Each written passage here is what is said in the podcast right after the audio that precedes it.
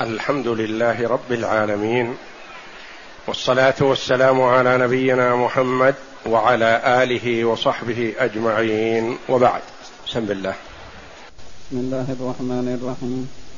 قال المؤلف رحمه الله تعالى الحديث الرابع والثلاثون بعد الثلاثمائة عن عبد الله بن مسعود رضي الله عنه قال قال رسول الله صلى الله عليه وسلم أول ما يقضى بين الناس يوم القيامة في الدماء. هذا الحديث من الأحاديث المتفق عليها وقد رواه جمع من أهل السنن. يقول عبد الله بن مسعود رضي الله عنه قال رسول الله صلى الله عليه وسلم أول ما يقضى بين الناس يوم القيامة في الدماء. وذلك لأن أهم ما يكون بين الخلق فيما بينهم الدماء. لأن المرء قد يظلم أخاه المسلم في ماله في عرضة في بدنة في أمور كثيرة لكن كلها لا تعد لا تعادل سفك دمه. فإذا ظلمه في ماله قد يخلف الله عليه. ويعود ماله أحسن من كونه من, من قبل. إذا ظلمه في عرضه كذلك قد يكون كاذبا فيما فيظهر كذبه وتظهر براءته أمام الناس.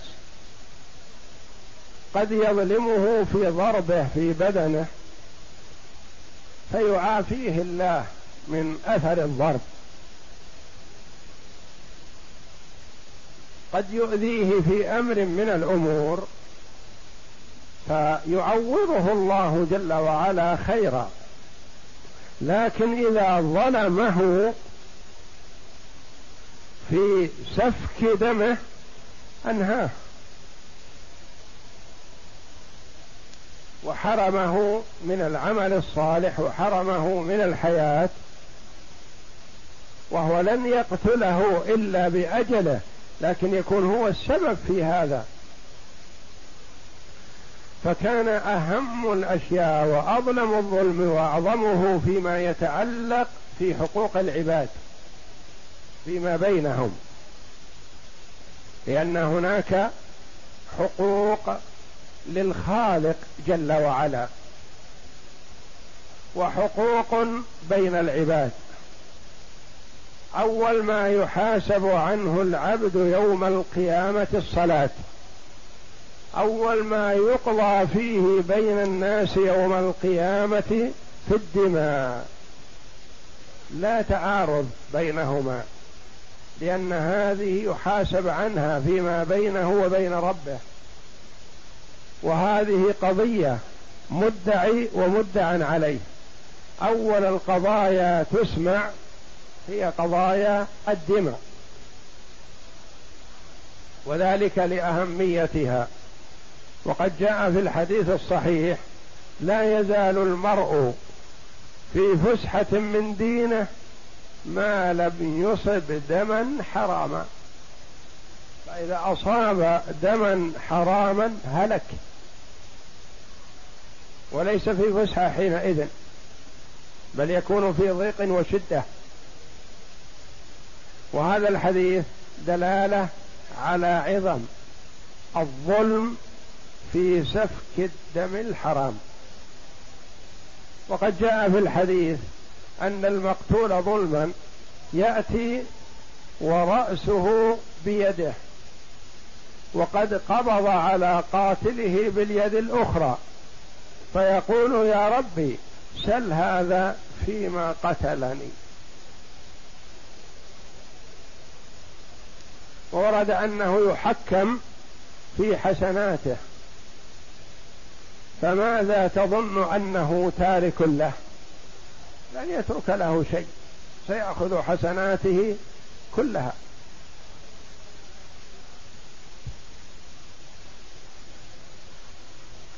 فالحديث هذا فيه دلالة على عظم حرمة الدم وقد نوه النبي صلى الله عليه وسلم عن هذا في أحاديث كثيرة وفي خطبته في حجة الوداع حيث قال عليه الصلاة والسلام إن دماءكم وأموالكم وأعراضكم عليكم حرام كحرمة يومكم هذا في شهركم هذا في بلدكم هذا.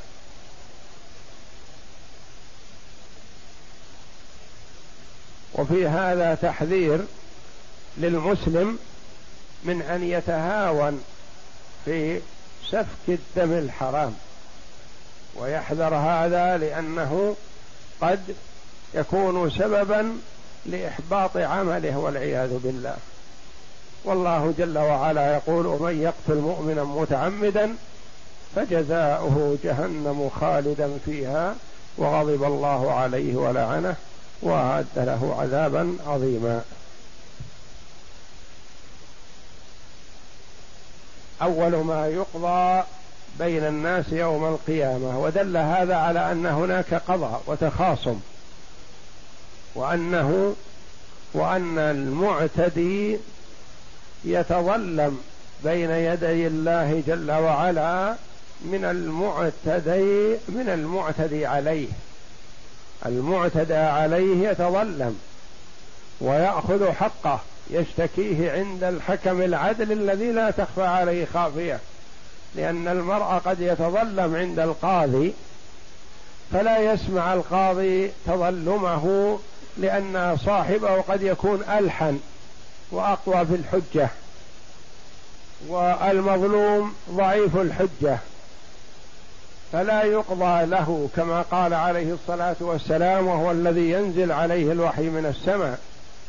إنكم تختصمون إلي ولعل بعضكم يكون ألحن بحجته من بعض فأحسب أنه صادق فمن قضيت له بحق أخي فلا يأخذه فإنما هي قطعة من نار فليأخذها أو ليدعها. وأما التحاكم والتخاصم في الدار الآخرة فهو عند الله جل وعلا الذي لا تخفى عليه خافية فليحذر المسلم من الظلم ايا كان لأنه كما جاء في الحديث ان أن الظلم ظلمات يوم القيامة ظلمات على صاحبه وأشده وافظعه وأعظمه ظلم المرء في سفك دمه بغير حق. أما ما كان بحق فلا يؤثر عليه ولا يمنعه من شيء حتى ولا يمنعه من الميراث.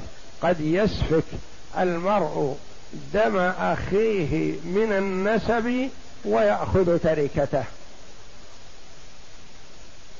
يسفك دمه ويأخذ تركته لأنه قتله بحق قتله قصاصا أو قتله صيانة أو قتله حدا بحد من الحدود فيقتله ويأخذ تركته يأخذ ميراثه لأنه قتل بحق والظلم هو في القتل بغير حق. أقرأ.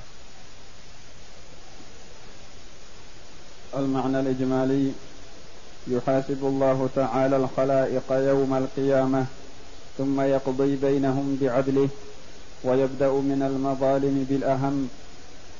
بما أن الدماء هي أعظم وأهم ما يكون من المظالم فإنها أول ما يقضى به منها في ذلك اليوم العظيم. ما يستفاد من الحديث اولا عظم شأن دم الإنسان فإنه لم يبدأ به يوم القيامة إلا لكونه أهم وأعظم من غيره من أنواع مظالم العباد.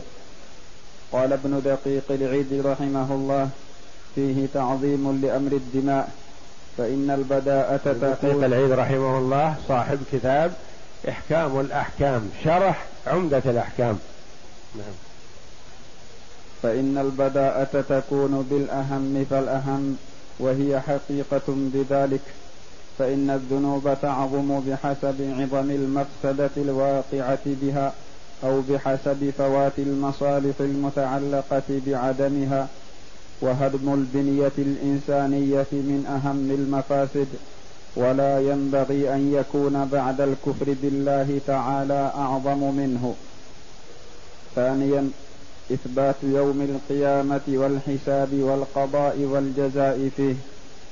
ثالثا هذا الحديث لا ينافي ما أخرجه أصحاب السنن عن أبي هريرة رضي الله عنه عن النبي صلى الله عليه وسلم قال أول ما يحاسب عنه العبد صلاته لأن حديث الباب فيما بين العبد وبين غيره من الخلق وحديث يعني الصلاة الحديث أول ما يقضى فيه. هذا فيما بين الخلق فيما بينهم. نعم. وحديث الصلاة فيما يتعلق بحقوق الخالق. ولا شك أن أعظم حقوق الناس هي الدماء. وأن أعظم حقوق الله على المسلم الصلاة.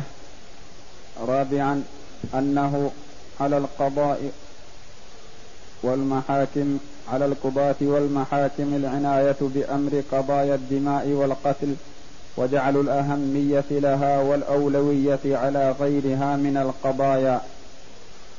والله أعلم وصلى الله وسلم وبارك على عبده ورسول نبينا محمد وعلى آله وصحبه أجمعين.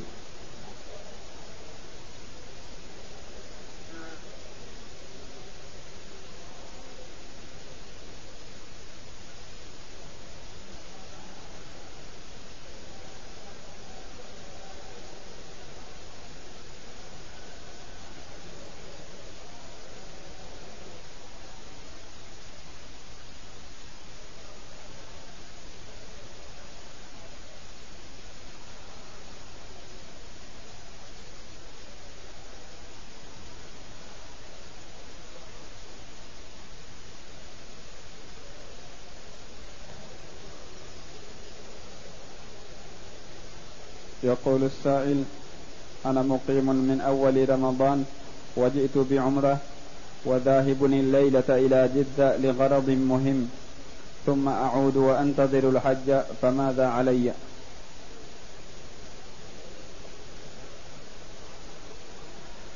إذا ذهبت إلى جدة فأنت إن عدت بعمرة فتكون معتمرا. في أشهر الحج فإذا يسر الله لك وحججت تكون متمتعا ويكون عليك هدي التمتع ويكون حجك ونسكك أفضل الأنساك الذي هو التمتع. وإن رجعت من جدة بلا إحرام فلا بأس عليك لأن جدة قريبة من مكة ودون المواقيت.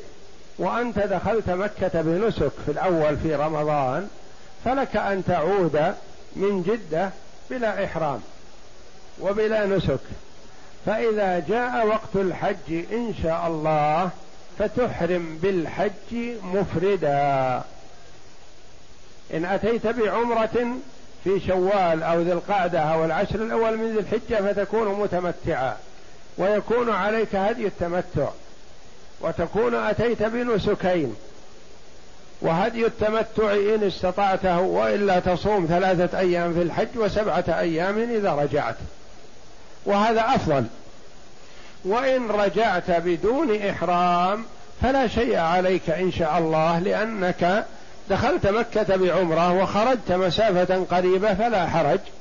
كما قال بعض العلماء رحمهم الله من يخرج إلى جدة ونحوها نقيسه على الرعاة الذين كانوا يخرجون بالإبل للرعي ثم عادوا وأحرموا مع النبي صلى الله عليه وسلم يوم التروية من مكة.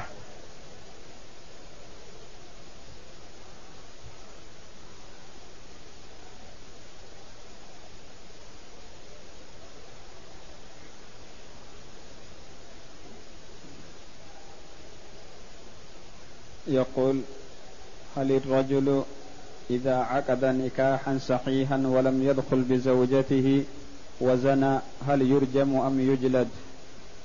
لا هذا ما يرجم وإنما حده حد البكر جلد مئة وتغريب عام ما دام أنه لم يجامع الثيب في باب إقامة الحدود حد الزنا الثيب هو من جامع زوجته في قبلها في عقد صحيح. هذا هو الثيب الذي حده الرجم. وأما إذا عقد ولم يدخل بزوجته وزنى فعليه المبادرة بالتوبة. وإن كان قد ستر الله عليه فعليه أن يستتر بستر الله ولا يفضح نفسه. يستتر بستر الله ويخفي أمره والله يتوب عليه إذا تاب توبة صادقة. وإن أقيم عليه الحد فيقام عليه حد البكر لأنه لم يدخل بزوجته ولم يجامعها.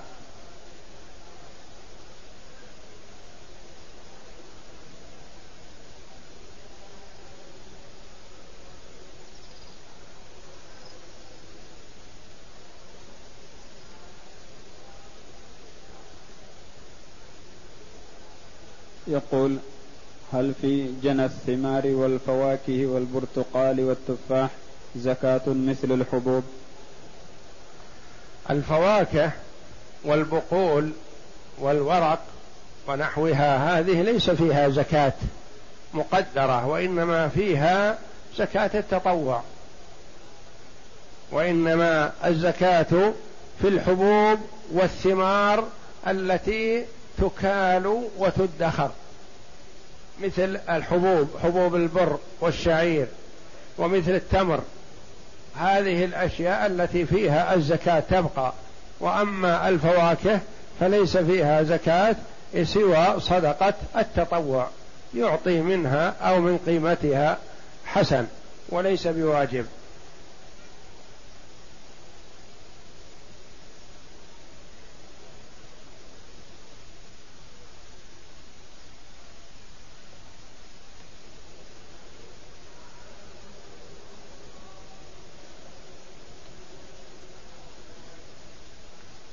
يقول رجل عنده أرض قام بزراعتها ودفع تكاليف المياه لسقي الأرض بقيمة ألف ريال ورجل آخر استأجر أرضا بقيمة ألف ريال لزراعتها واعتمد على مياه المطر.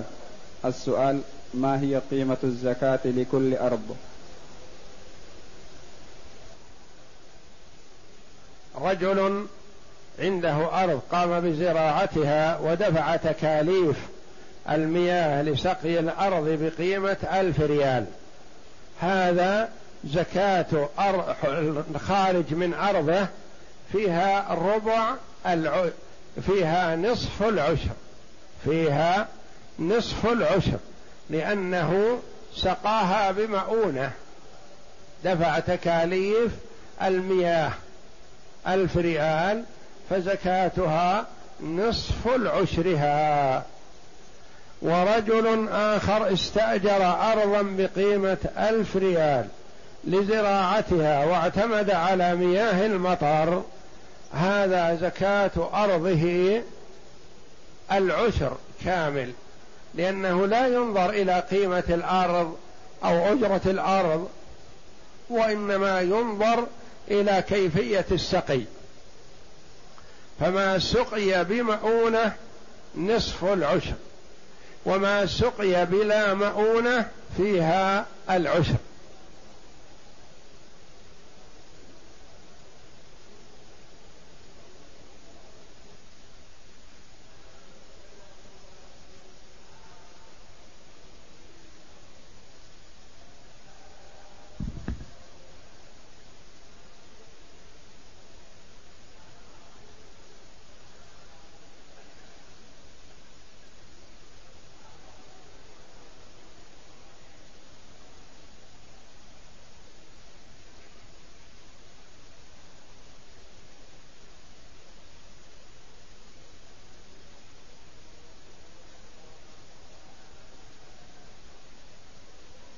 يقول امرأة سافرت إلى بلاد الكفر ألمانيا بغية طلب العلم ثم تزوجت بكافر بدون ولي فأنجبت طفلين ثم أسلم هذا الكافر. أولا عقد باطل.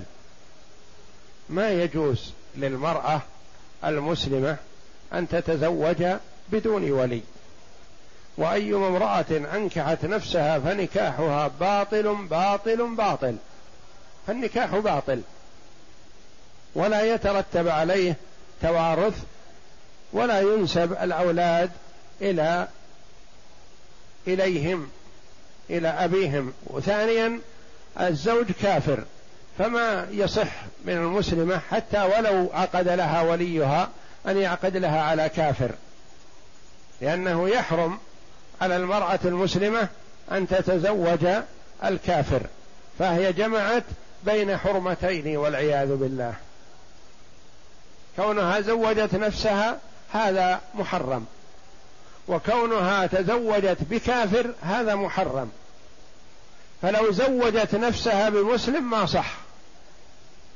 ولو زوجها وليها من كافر ما صح.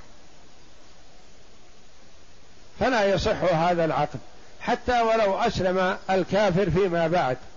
لا بد أن يتم العقد بطرقه الشرعية. اولا أن يكون العقد بعد إسلام الكافر. ما يعقد له على مسلمة وهو كافر. فإذا أسلم فلا بأس. إذا أسلم أو قالت له أنا أرغب فيك ولكن يحول الإسلام بيني وبينك. كما قالت الصحابية رضي الله عنها لما خطبها الكافر قالت ما مثلك يرغب عنه لكن أنت كافر وأنا مسلمة. فما يصح أن تكون زوجا لي. قال إذا أسلمت قالت إذا أسلمت فهو مهري يكفيني لا أريد منك قليلا ولا كثيرا سوى الإسلام. فأسلم رضي الله عنهما فتزوجها. فيعايا بها فيقال أعلى مهر في الإسلام ما هو؟ هو مهر أبي طلحة رضي الله عنه الذي دفعه لأم سليم الذي هو الإسلام. لا يعادله الدراهم ولا الدنانير. أسلم رضي الله عنه فهو مهرها. فإذا مثلا خطبها وهو كافر وحصل التواطؤ بينهم على أنه إن أسلم فهي تقبله. فأسلم فتم العقد من قبل أوليائها صح. وعلى هؤلاء أن ينظروا في أمرهم. اولا يجب التفريق بينهم لكون النكاح بدون ولي وكون العقد السابق حصل حال كفره حتى ولو أسلم. فيجب تصحيح العقد بالولاية ويكون بعد إسلام الكافر.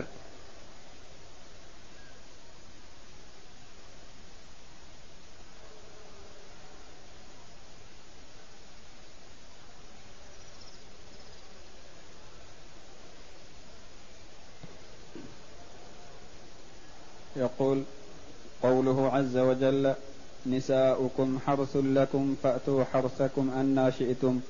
السؤال هل يجوز للمرأة أن تستمني لزوجها إذا كانت حائضا وذلك إن أمر زوجها؟ نعم يجوز لها ذلك لأن الرجل ما يجوز أن يستمتع بيده ولا أن ينكح يده ويحرم عليه ذلك. لكن يستمتع بشيء ما من زوجته فلا بأس عليه. لأن الله جل وعلا يقول نساؤكم حرث لكم ويقول هن لباس لكم وأنتم لباس لهن.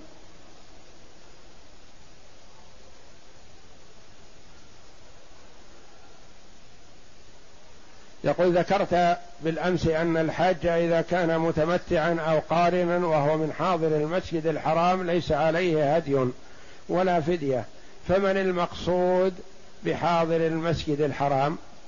اولا حاضر المسجد الحرام ليس عليه هدي أما إذا فعل محظورا أو ترك واجبا فعليه فدية ذلك. ما تسقط عنه الفدية؟ فدية فعل المحظور أو ترك الواجب عليه. وأما هدي التمتع وهدي القرآن هو الذي يسقط عنه. وحاضر المسجد الحرام قيل هم أهل مكة. وقيل أهل مكة وما حولها. وقيل من كان دون المواقيت. فللعلماء في حاضر المسجد الحرام أقوال رحمهم الله. وهل إذا اعتكف شخص أو جلس في المسجد الحرام من رمضان إلى الحج يسمى ذلك الشخص من حاضر المسجد الحرام لا. إذا جاء في رمضان بنية العمرة ونيته الحج كذلك ثم يعود إلى أهله فليس من حاضر المسجد الحرام لأنه قدم لهذا الغرض. قدم لغرض ولم يقدم لغرض السكنى في مكة.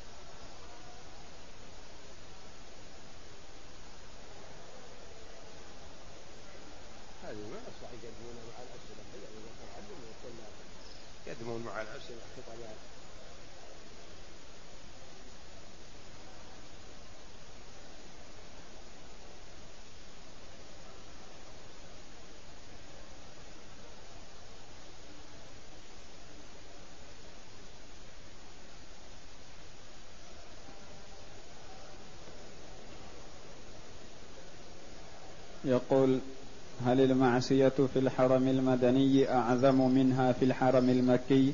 لأن المدينة فيها النبي صلى الله عليه وسلم. لا يا أخي مكة أفضل من المدينة على قول الجمهور رحمة الله عليهم. سوى الإمام مالك رحمه الله فإنه يقول المدينة أفضل من مكة. ولعل الصحيح والله أعلم هو قول الجمهور.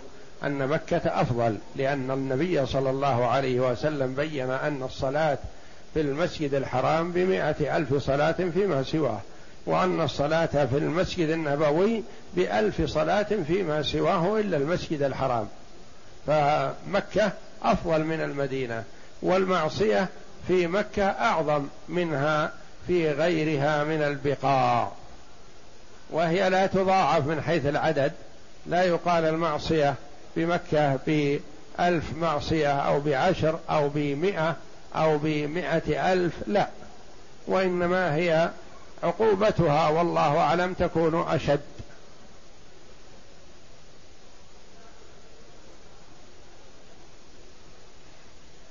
يقول ما الفرق بين قوله يقضى ويحاسب؟ فرق بينهما. يقضى ويحاسب. المحاسبة تكون بين الله وبين عبده. الله جل وعلا يحاسب عباده على ما افترضه عليهم. وأما القضاء فيكون بين اثنين. والله جل وعلا يقضي بين القاتل والمقتول. التقاضي غير المحاسبة وحتى في أحوال أمور الدنيا التقاضي غير المحاسبة. أنت وشريكك تتحاسبان فيما بينكم. ما تحتاجون إلى قاضي إذا كانت نفوسكم صافية ومتفاهمين. تتحاسبون. دخل عليك كذا ودخل عليك كذا وهكذا. تتحاسبون في مجلس ما وتقومون وقد أنهيتم ما بينكم. لكن إذا كان بينكم خلاف وتناكر واختلاف فمردكم إلى القاضي إلى التقاضي. فالمحاسبة غير التقاضي.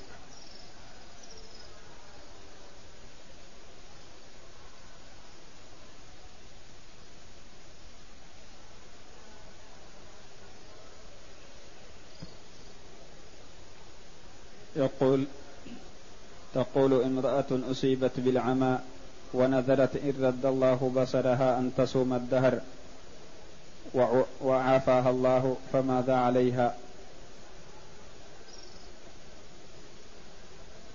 امرأة أصيبت بالعمى ونذرت إن رد الله بصرها أن تصوم الدهر. هذا نذر ونذر طاعة ولكن صيام الدهر ما يجوز.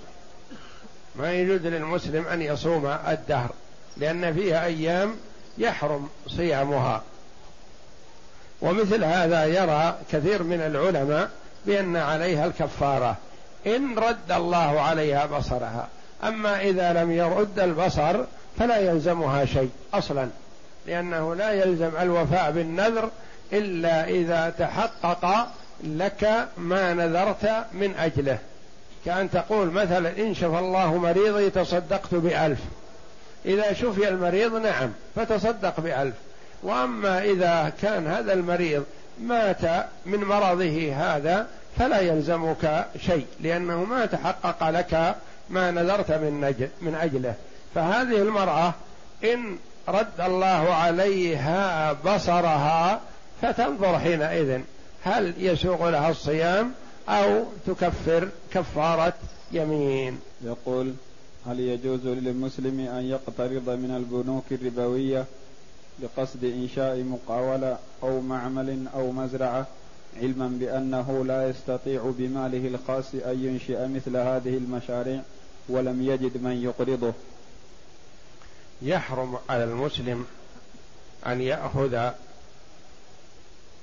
دراهم بفائدة ربوية حتى وإن كان محتاجا لذلك لأنه محتاج لماذا؟ ليزرع. نقول لا تزرع. محتاج ليبني. نقول لا تبني. محتاج لتجارة. نقول لا تتاجر تتاجر بالحرام. مثل شخص يقول مثلا فيه ربح في التجارة بالخمر وأنا أربح في الخمر كثير. يؤذن لي بالتجارة بالخمر؟ لا. يؤذن لك بالتجارة مثلا بالربا؟ لا. المسلم يحذر الحرام حتى وإن كان له فيه ربح مادي. فيحذر الحرام ويجتنبه فإن يسر الله له ربحا حلالا فيسلكه. وإلا فلا يتاجر. يقول مثلا أنا بالخيار بين أن أعمل على ظهري مثلا. أو أقترض ألف ريال بقرض ربوي لأكون تاجر أتاجر به. نقول لا يا أخي يحرم عليك الاقتراض حتى وإن كان هذا الاقتراض يوصلك إلى التجارة. لا. فما يجوز للمسلم أن يأخذ شيئا من طريق الحرام حتى وإن كان له فيه فائدة أو ربح مادي. يحذر هذا ويكسب ويعمل فيما يباح له. العمل فيما يباح وأما ما يحرم فلا يجوز للمسلم أن يدخل فيه. والنبي صلى الله عليه وسلم لعن آكل الربا وموكله وكاتبه وشاهديه. كلهم ملعونون على لسان محمد صلى الله عليه وسلم. فالذي يأخذ الربا المال الربوي ملعون على لسان محمد صلى الله عليه وسلم. والذي يشهد على المعاملة الربوية أو يكتبها ملعون على لسان محمد صلى الله عليه وسلم. فعلى المسلم أن يحذر الحرام ولا يقربه حتى وإن كان فيه ربح دنيوي.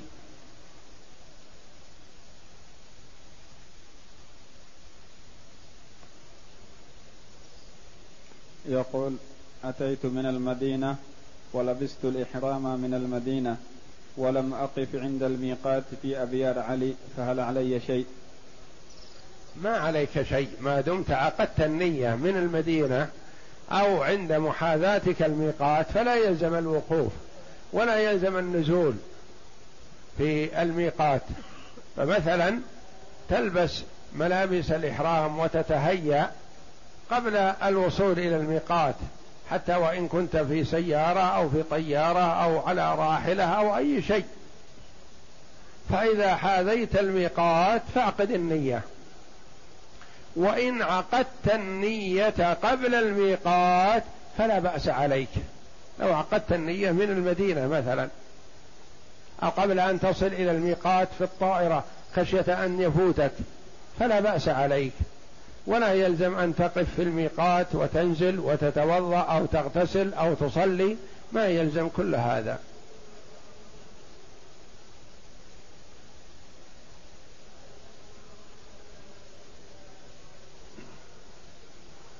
يقول نرجو توضيح مسألة الآتية نبذة مختصرة عن أركان الحج. أركان الحج معروفة هي أربعة. نية الدخول في النسك والوقوف بعرفة والطواف والسعي. هذه أركان الحج التي لا تسقط بحال. نية الدخول في النسك غير الإحرام. ليس المراد لبس الإحرام أو التجرد من المخيط. هذا من الواجبات التجرد من المخيط. وأما نية الدخول في النسك فهو ركن من أركان الحج. والوقوف بعرفة والطواف والسعي. هذه الأربعة الأركان لا تسقط بحال وستسمع إن شاء الله أحكام الحج عند قربه إن شاء الله.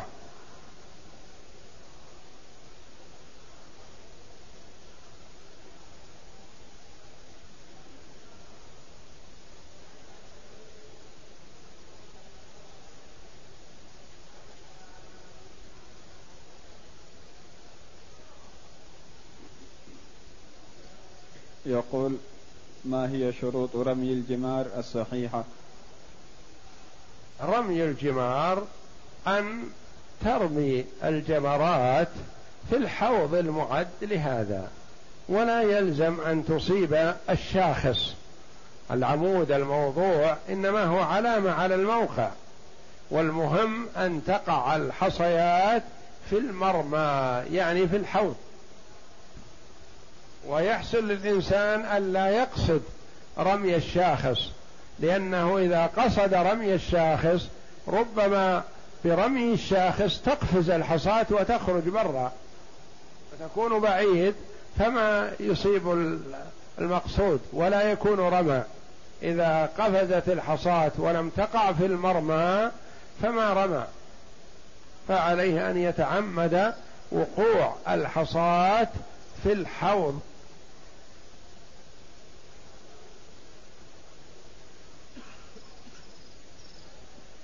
يقول هل أبو لهب وأبو جهل اسم رجل واحد أم كل واحد يختلف عن الآخر؟ لا كل واحد يختلف عن الآخر وكلاهما حصب من حصب جهنم. أبو جهل غير أبي لهب فأبو لهب هو عم النبي صلى الله عليه وسلم أخو أبيه وهو الذي أنزل الله جل وعلا فيه تبت يدا أبي لهب وتب لما تكلم على النبي صلى الله عليه وسلم لما دعا النبي صلى الله عليه وسلم بطون قريش عمم وخصص فاجتمع الناس حوله لينذرهم عليه الصلاة والسلام وليبلغهم رسالة ربه. قال كلمة واحدة لما اجتمعوا عليه وسألهم عن مدى تصديقه هل يصدقونه أو لا؟ يقول لو قلت إن جيشا تغير عليكم هل أنتم مصدقية؟ قالوا ما جربنا عليك كذب. ما كان يكذب عليه الصلاة والسلام وهو صغير فكيف يكذب لما كبر؟ فقال لهم عليه الصلاة والسلام كلمة واحدة تدين لكم بها العرب وتملكون بها العجم. قالوا كلمة تدين لنا بها العرب وتملك ونملك بها العجم لك وعشر أمثالها. نعطيك هذه الكلمة وعشر أمثالها. قال قولوا لا إله إلا الله. فتفوه أبو لهب بقوله تبا لك سائر اليوم. ألهذا جمعتنا؟ ونفروا منه وقالوا أجعل الآلهة إلها واحدا إن هذا لشيء عجاب؟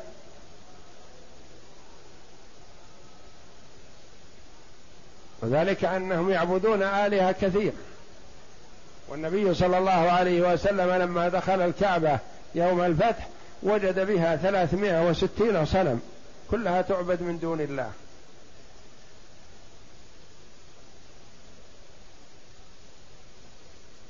فلما قال أبو لهب للنبي صلى الله عليه وسلم تبا لك سائر اليوم لهذا جمعتنا أنزل الله جل وعلا تبت يدا أبي لهب وتب. ما أغنى عنه ماله وما كسب. سيصلى نارا ذات لهب وامرأته حمالة الحطب في جيدها حبل من مسد. والله جل وعلا علم أنهما لا يؤمنان ولا يسلمان فأنزل الله فيهما قرآنا يتلى إلى يوم القيامة لما تفوه بهذا الكلام القبيح للنبي صلى الله عليه وسلم الصادق المصدوق صلوات الله وسلامه عليه. وأما أبو جهل فهو غيره من كبراء قريش ومن شيوخ قريش إلا أنه ضل وما قبل رسالة محمد صلى الله عليه وسلم وما صدقه وقتل يوم بدر.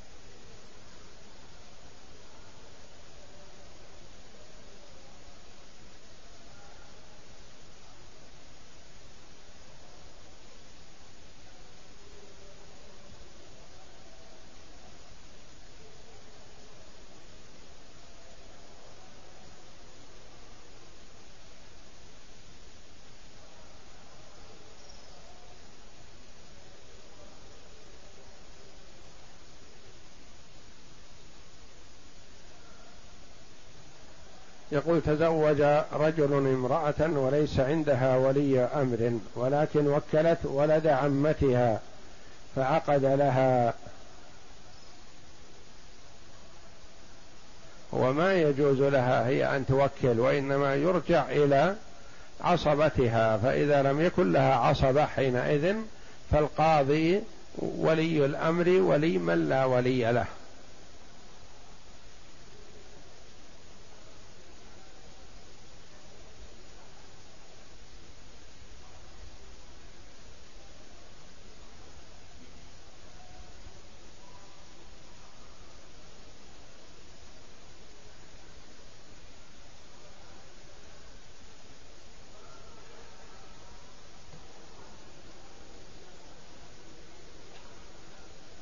تقول إذا وجدت المرأة مشقة وضيقا وقت خلال شهر شوال شهر شوال ربما لا تكفي لصيام قضاء ما أفطرته من رمضان وصيام الست من شوال فهل لها أن تصوم ستا من شوال وتؤخر القضاء أو تصوم ما تيسر لها؟ أو هل يجوز لها أن تصوم بنية القضاء والست من شوال في نفس الوقت؟ أما صومها بنية القضاء ونية الست من شوال فهذا غير صحيح ولا يجوز لها ذلك وإنما تنوي القضاء فقط ولا تنوي الست من شوال. فلازم أن يفرد القضاء لأنها واجبة. وإذا خشيت المضايقة فلعل الأولى لها أن تصوم القضاء. فإن تمكنت من الست فبها ونعمت وإن لم تتمكن فلعل الله أن يكتبها لها إذا علم منها العزم على ذلك. لكن مع عدم التمكن ما صامت. مع أن بعض العلماء رحمهم الله يقول يجوز أن تصوم الست قبل القضاء يقول لأن الستة وقتها محدد في شوال فقط والقضاء في سائر السنة إلى شعبان القادم. فالقضاء وقته موسع والست وقتها مضيق فتبدأ بالست وتقضي فيما بعد. هذا يراه بعض العلماء لكن آخرون يقولون لا ما يسوغ لها أن تبدأ بالست وعليها واجب. فتبدأ بالواجب أولا ثم تق... ثم تصوم الست. وخروجا من الخلاف أن تبدأ برمضان أولا بما عليها من قضاء رمضان تقضي رمضان. ثم إن تمكنت من صيام الست فبها ونعمت والحمد لله وإن لم تتمكن فلا حرج عليها ولعلها أن تكتب لها بنيتها لأن المرء إذا نوى العمل الطيب نوى الخير نوى العمل الصالح فلم يتمكن منه فالله جل وعلا يكتبه له وإن لم يفعله. كما قال عليه الصلاة والسلام إن رجالا في المدينة ما سلكتم واديا ولا قطعتم فجا إلا وهو معكم. يعني معكم في الأجر حبسهم العذر أو كما قال صلى الله عليه وسلم. فالمرء يدرك بنيته العمل الصالح وإن لم يعمله بإذن الله. وجاء عن الإمام أحمد رحمه الله أنه قال إذا لم تتمكن من العمل فانوه. انو العمل وإن لم تتمكن منه فالله يكتبه لك.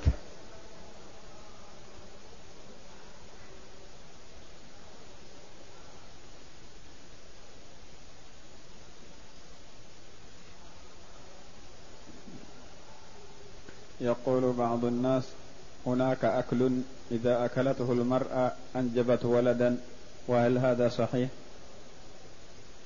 أولا أن هبة الولد من البنت هذا بيد الله جل وعلا. كما قال جل وعلا يهب لمن يشاء إناثا ويهب لمن يشاء الذكور أو يزوجهم ذكرانا وإناثا ويجعل من يشاء عقيما. فهذه بيد الله جل وعلا. لكن إذا وجدت أسباب تجعل هذا أو هذا فقد تنفع بإذن الله. تكون أسباب قدرها الله جل وعلا. والولد والبنت كلهم من أمر الله جل وعلا. وفعل الأسباب ما يعتمد عليها وإنما قد تنفع. فالمرء مثلا يتسبب للولد بالزواج. لو قال لا أنا لا أفعل الأسباب مثلا نقول ما يجوز لك؟ تقول إن قدر الله لي ولد جاءني بدون زواج ما يصير. كذلك مثلا فعل الأسباب قد تنفع الأسباب وقد لا تنفع مثل فعل الأسباب في العلاج. إنسان مريض وقيل له إذا شربت هذا الدواء شفاك الله إن شاء الله. فشربه فشفي. وقد يشربه ولا يشفى. ففعل الأسباب لا باس به لكن لا يعتمد عليها. وإذا وجد أشياء حسية مثلا أدوية قد تنفع في هذا أو تنفع في هذا فلا نقول إنه يحرم استعمالها أو ما يجوز وإنما عليه أن يفعل الأسباب ويتكل على الله جل وعلا فهو المسبب فهو الذي يوجد الشيء إذا شاء ويمنعه إذا شاء. ويقول ما حكم العمرة عن الميت؟ العمرة عن الميت جائزة. إذا كان المرء المعتمر عن الميت قد اعتمر عن نفسه فهو يعتمر اولا عن نفسه ثم يعتمر عمن شاء من الأموات.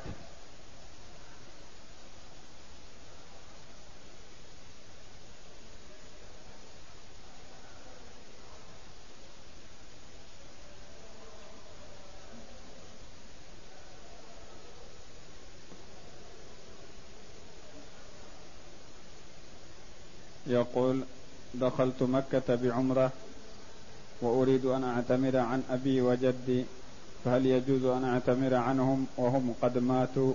وما هي الفترة بين العمرة والأخرى؟